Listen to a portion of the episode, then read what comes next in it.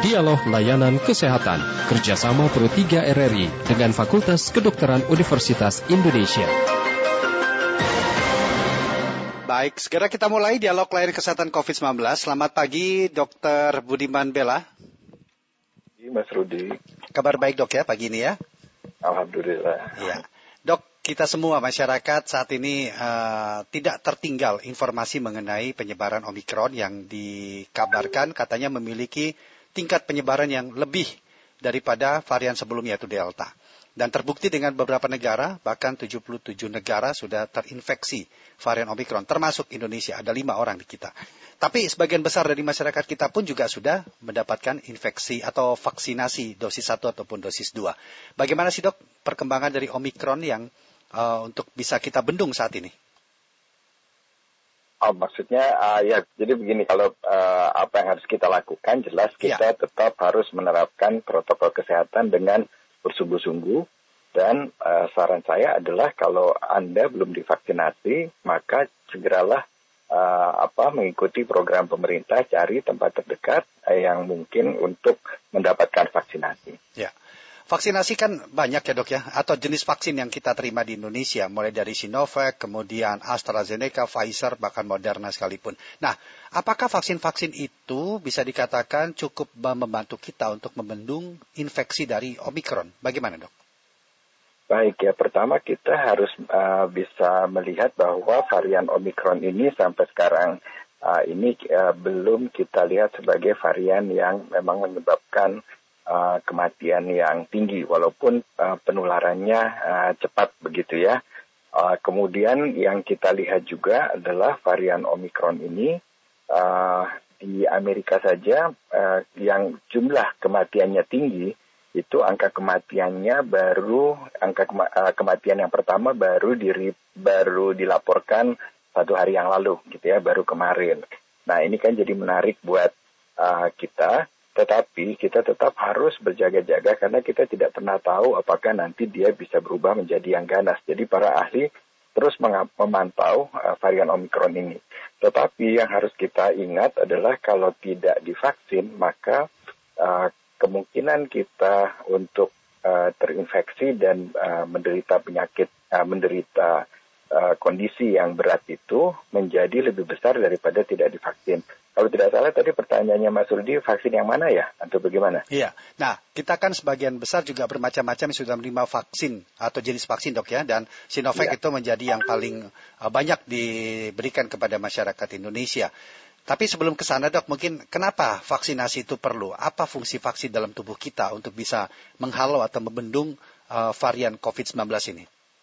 Ya, jadi vaksin itu mempersiapkan uh, sistem kekebalan kita sehingga pada waktu infeksi virusnya masuk, sistem kekebalan kita dengan cepat bereaksi dan membentuk sistem kekebalan yang lebih tinggi lagi ya, kekebalan yang yang lebih baik lagi terhadap uh, infeksi yang masuk ke dalam uh, diri kita. Ini mungkin uh, saya coba jelaskan dengan uh, cara yang aduh ya, yang uh, relatif sederhana. Uh, di sisi lain juga kekebalan kita sendiri juga jadi sudah ada gitu ya dalam hal ini misalnya antibodi netralisasi. Jadi ada dua yang harus diingat adalah satu kita sendiri uh, menjadi ya, punya zat-zat kekebalan yang akan menghambat kembang biak virus tersebut, tetapi di sisi lain juga secara umum sistem kekebalan kita itu ada namanya kekebalan yang ada antibodinya itu humoral, ada kekebalan seluler di mana itu ada kita jadi punya sel-sel yang bisa membunuh sel-sel yang terinfeksi itu uh, juga dipersiapkan. Kalau sehingga kalau ada uh, infeksi masuk ataupun vaksin berikutnya masuk itu kekebalan kita dengan cepat bereaksi uh, meningkat begitu. Kurang lebih begitu ya. fungsi daripada vaksin, vaksin ini. Ada yang bertanya juga dok waktu itu, uh, kenapa harus di uh, perlu divaksin sementara seseorang sudah pernah terpapar COVID-19? Bukankah itu sudah tercipta antibodi untuk uh, COVID-19 dan varian-varian berikutnya? Bagaimana dok? Oh ya, itu uh, itu hal yang baik untuk dibahas ya. Jadi uh, begini, tidak semua orang itu kalau terinfeksi sistem kekebalannya bisa uh, terbentuk ya bisa langsung uh, terbentuk ya hmm. uh, tapi okay. langsung langsung cukup protektif gitu ya oh, dan cukup yeah. baik yeah. oleh karena itu uh, divaksin uh, menurut saya uh, akan bagus buat orang tersebut ya. Hmm. Jadi pada dasarnya terbentuk sih terbentuk, cuman bekerjanya fungsi sebagai antibodi yang sesungguhnya itu belum tentu sama semuanya dok ya. Betul, dengan vaksin itu kita lebih uh, bisa dikatakan lebih terstandarisasi gitu ya kekebalannya. Iya, baik.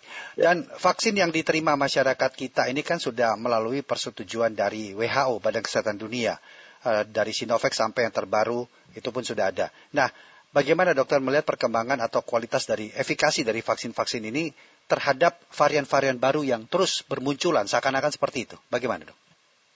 Terima kasih. Jadi uh, dulu saya agak ragu-ragu ya, jujur saja dengan vaksin Sinovac begitu ya.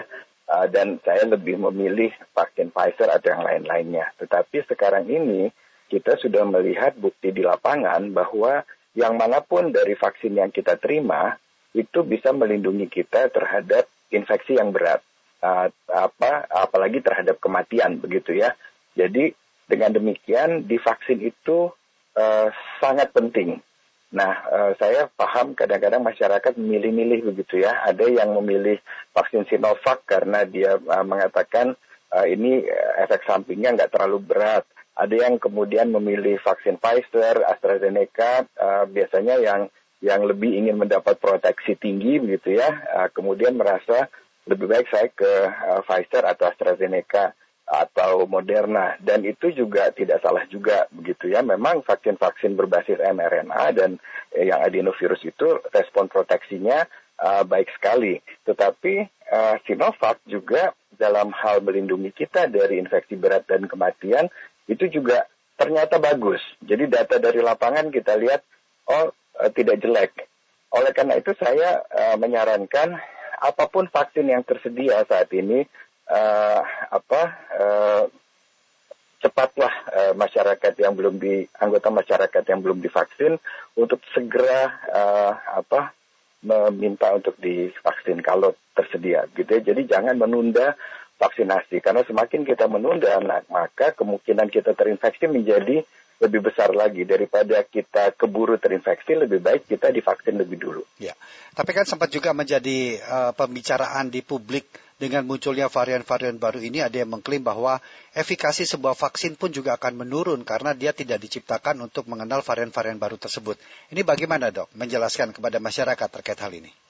Oke, okay, ya, ini ini saya sangat mengerti eh, dan itu eh, beralasan untuk kita uh, khawatir efikasinya tidak terlalu bagus. Tetapi yang mesti kita ingat adalah vaksin itu adalah merangsang kekebalan terhadap berbagai informasi kita bilangnya ya uh, anu ya uh, ini saya udah agak teknis mohon maaf. Ya. apa namanya uh, ada epitop-epitop. Jadi kita membayanginya di di virus itu ada tangannya kakinya apa segala macam. Mm-hmm. nah itu tidak semuanya berbeda gitu ya Mas Rudi ya. Jadi ada kalaupun berubah di satu titik masih ada titik-titik yang uh, itu dia uh, memiliki ke, ke apa kesamaan.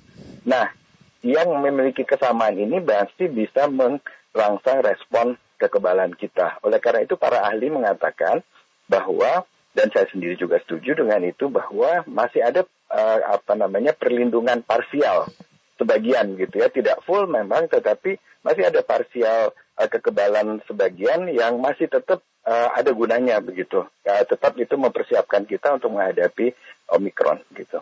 Ya, baik. Kita undang pendengar dok ya untuk dapat berinteraksi dengan dokter pada pagi hari ini. Silakan pendengar kami buka layanan telepon kami untuk Anda untuk dapat bertanya secara langsung bersama dengan Dr. Dr. Budiman Bella, SPMK dari Departemen Mikrobiologi Klinis. Hubungi kami di 021 352 3172, 021 384 4545, 021 386 6712, juga dapat melalui WhatsApp kami di 081 399 Kita terima pendengar dulu dok ya. Sudah ada Pak Udin di Boyolali. Selamat pagi Pak ya, Udin. Selamat pagi, Assalamualaikum warahmatullahi wabarakatuh. Waalaikumsalam warahmatullahi wabarakatuh. Silakan. Ya, Bapak Rudi, Bapak Dokter Budiman. Budi. Budiman Bela. Iya. Iya, uh, Departemen Mikrobiologi Klinis.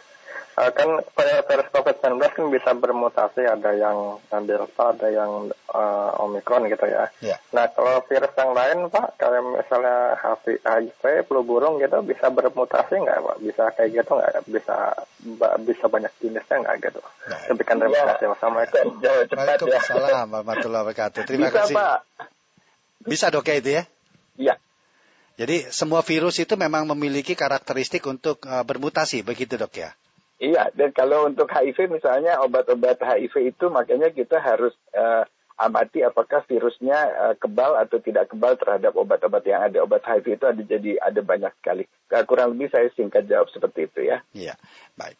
Baik dok, kita lanjutkan kembali. Cukup tidak sih dok kita dengan diberikan vaksin dua dosis saja, kita sudah uh, sudah bisa terjamin dari paparan varian baru Omikron ini dok? Oke, jadi faktanya adalah sekarang ini mereka-mereka yang um, mohon maaf um, mengalami kematian atau sakit berat itu adalah mereka-mereka yang uh, belum divaksin. Kalaupun ada yang sudah divaksin itu biasanya karena penyakit yang lain gitu ya. Ini data sementara yang saya dengar dari laporan uh, teman-teman yang turun uh, ke lapangan. Kebetulan saya juga di BNPB jadi sering mendengarkan dari teman-teman yang melakukan uh, tracing dan juga melakukan pendataan di lapangan. Uh, mereka-mereka yang belum divaksin itulah yang kemudian terkena dampak yang uh, berat. Mhm. Ini apa artinya begitu ya? Mungkin pertama coba kita lihat bahwa uh, pada saat vaksin Sinovac itu dibuat ini kan masih virus yang lama ya Mas Rudi ya. Varian pertama Nah, tapi dok ya? Iya, jadi uh, sementara kita ini kan pada waktu kemarin itu yang uh, apa uh, fatal apa Delta. banyak sekali angka kesakitan kematiannya Ya. sekitar Juni Juli Agustus itu itu adalah uh, varian Delta kan ya. Ya. Tetapi dan itu sudah beda sama yang pertama. Faktanya adalah kita masih terproteksi begitu dan Hmm. jadi mereka-mereka yang tidak divaksin itulah yang terkena dampak yang berat. Jadi sangat rentan bagi mereka yang memang belum divaksin dok ya, karena apa pun vaksin yang saat ini ini sudah bisa dikatakan memberikan jaminan untuk melindungi kita, paling tidak membendung penyebaran terinfeksi dari uh, varian Omikron ini. Baik, kita Iya, akan mempersiapkan kita juga terhadap infeksi Omikron. Ya. Nanti waktu Omikronnya masuk, kalaupun kita terinfeksi, kita kemudian dengan cepat bisa membentuk kebakal- Hmm, kekebalan yang ya. spesifik terhadap Omikron. bisa dikatakan tidak separah jika mereka yang belum divaksin sama sekali. Baik. Betul. Ya, persis. kita kembali ke pendengar Pak uh, Dr. Budiman. Ada Pak Ramadan di Sorong, Papua. Selamat pagi, selamat siang waktu Papua. Oke, Ya. dan Pak Dokter ya, selamat pagi, salam sehat ya. Salam sehat, Ya. sehat. Iya, Silakan, Pak Pak Ramadan. Dokter. Eh, apa namanya bahwa dengan vaksin kan kita ini mau dengan vaksin kan kita terbantu ya untuk kekebalan tubuh seperti seorang bayi kan vaksin selama setahun ya. Eh, Ya. Atau head immunity kita menjadi kuat. Nah, apa namanya? Yang saya mau tanya, vaksin saya kan saya kan udah vaksin Astra AstraZeneca ya. Bahwa apakah vaksin yang terbuat dari katanya ini Sinovac ini terbuat dari vaksin yang eh virus terbuat dari virus yang telah dimatikan ya atau virus tidur ya dok ya. Sedangkan yang lain katanya lebih kuat karena itu terbuat dari virus yang masih hidup atau masih aktif. Ya, nah ini apa apa per- perbedaannya secara ilmu Hmm. kesehatan atau kedokteran ya? Ya. Nah, Satu vaksin sisi yang dibuat dari baru virus yang sudah tidur atau sudah Iya, mati, yang satu vaksin baru atau ya. Omikron ini kan kata kata ahli ataupun narasumber bahwa dia memang tingkat menularnya lebih cepat beberapa kali dari vaksin lain, tetapi tingkat mematikan lebih lemah ya dibanding vaksin lain. Nah, Ya. Omikron dari Afrika, maksud saya. COVID-19 dari Wuhan, China, dan Omikron apa ya namanya yang satu itu Delta. Delta itu dari Ini. India. Semoga kita tidak ada vaksin dari Indonesia. Eh, tidak ada virus, yang Virus. lahir dari Indonesia ya. Baik. Semoga insya Allah. Amin. Ya, terbebas dari virus. Terima Baik. kasih. Terima kasih Pak. Ramadan. Ya, silakan dokter mungkin bisa ditanggapi apa bedanya? Jadi perbedaannya vaksin- begitu ya. Jadi begini, kalau vaksin AstraZeneca yang diterima oleh Pak Ramadan itu adalah vaksin virus, tapi dia juga bukan virus COVID ya Pak ya. Virusnya itu yang dipakai ada namanya virus adeno. Ini Hmm. juga bukan virus yang bisa berkembang biak. Dia cuman eh, ibaratnya kayak penghantarnya kayak kendaraan saja yang hanya sekali masuk dan tidak berkembang biak dalam diri kita. Hmm. Tapi pada saat dia masuk ke dalam diri kita dia membawa itu namanya gen gennya uh, vaksin uh, coronavirus. Jadi kemasukan uh, vaksin apa gen coronavirus itu yang nanti bisa menjadi di dalam tubuh kita digunakan untuk membentuk uh, vaksinnya. Vaksin ini antigen atau protein uh, biasanya itu bagian luarnya dari coronavirus. Nah itu jadi spike, tapi tidak ada virus yang berkembang biak. Kalau va vaksin uh, apa namanya vaksin Sinovac uh, yang virus yang dimatikan, saya uh, uh, apa koreksi sedikit ya, dimatikan bukan dilemahkan ataupun bukan uh, tidur sebetulnya mati, tetapi materi uh, apa komponen-komponen yang sudah mati ini masih bisa merangsang kekebalan kita sehingga kita bisa memiliki kekebalan. Kalau DNA dan RNA itu seperti uh, eh, RNA ya uh, apa Moderna itu materi genetik virus yang kurang lebih mirip seperti uh, vaksin AstraZeneca, tapi kalau ini langsung RNA dimasukin. Kalau AstraZeneca dia dibungkus dulu dengan uh, bagian luarnya ada virus adeno, tapi dua-duanya tidak berkembang biak, cuma nanti membentuk uh, protein vaksinnya di dalam diri kita sendiri. Ya. Uh, mohon maaf saya coba menyederhanakan ya. Terima kasih. Ya. Jadi yang penting adalah semua vaksin yang ada saat ini adalah memang betul-betul sudah teruji dan memiliki tingkat efikasi yang cukup untuk membendung uh, seseorang terpapar COVID dari 19 khususnya varian baru oh, Omicron begitu. Saya coba koreksi ya. ya. Jadi uh, begini, kita akan kita mungkin masih akan tetap terinfeksi. Nah, ini yang yang penting masih untuk mungkin diingat. Itu. Ya, ya um, dan masih masih hmm. terbukti orang yang sudah divaksin bahkan sudah sampai tiga kali booster ya. itu tetap terinfeksi. Ya. Tetapi uh, jadi kita ini bisa jadi sumber virus buat mereka-mereka yang belum divaksin. Nah, tolong diingat ini. Berarti kita-kita yang sudah divaksin, betul kita sudah terlindungi, tapi jangan sekali-sekali tidak pakai okay. masker. Makanya tadi saya ya. ingatkan ya. dari awal, mohon tetap ya. uh, terapkan protokol kesehatan, prokes. Ya karena ada saudara-saudara kita di luar sana dan ya. kita tidak pernah tahu yang ya. belum belum divaksin. Nah, kita kita yang sudah divaksin bisa menjadi Carrier, sumber ya? kematian. Ah, hmm. ya.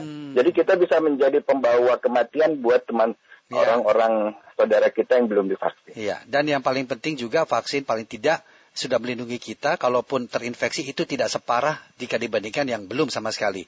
Tetapi tetap ya. kita juga menjadi resiko untuk memberikan uh, penyebaran kepada yang lain yang belum divaksin terutama. Begitu dok ya? Persis sekali dan ya. bisa jadi kita nggak bergejala sama sekali loh ya. akibat kita sudah kebal. Nah ini jadi kita menjadi sangat berbahaya buat orang lain ya. Okay. Mohon lindungi teman apa orang-orang lain yang ya, yang belum divaksin. Jadi ya. maskermu melindungiku dan juga melindungimu. Begitu dok ya? Iya itu penting banget diingat ya. ya. Baik dok di akhir perbincangan ya. kita apa yang bisa dokter sampaikan untuk kita semua? Silakan. Iya jadi pesan saya uh, segeralah uh, memberi apa uh, divaksin kalau anda belum divaksin dan kemudian eh, mereka-mereka yang sudah divaksin, uh, seperti pesan saya terakhir, lindungilah mereka-mereka yang belum divaksin. Kita tetap eh, menerapkan prokes agar kita mengurangi kematian, kesedihan di bangsa kita. Terima kasih. Dokter Budiman, terima kasih sudah meluangkan waktu berbincang bersama kami dalam dialog layanan kesehatan COVID-19. Semoga apa yang disampaikan bermanfaat buat kita semua, dokter. Terima kasih, dokter. Selamat pagi. Selamat beraktivitas. Salam sehat. Ya.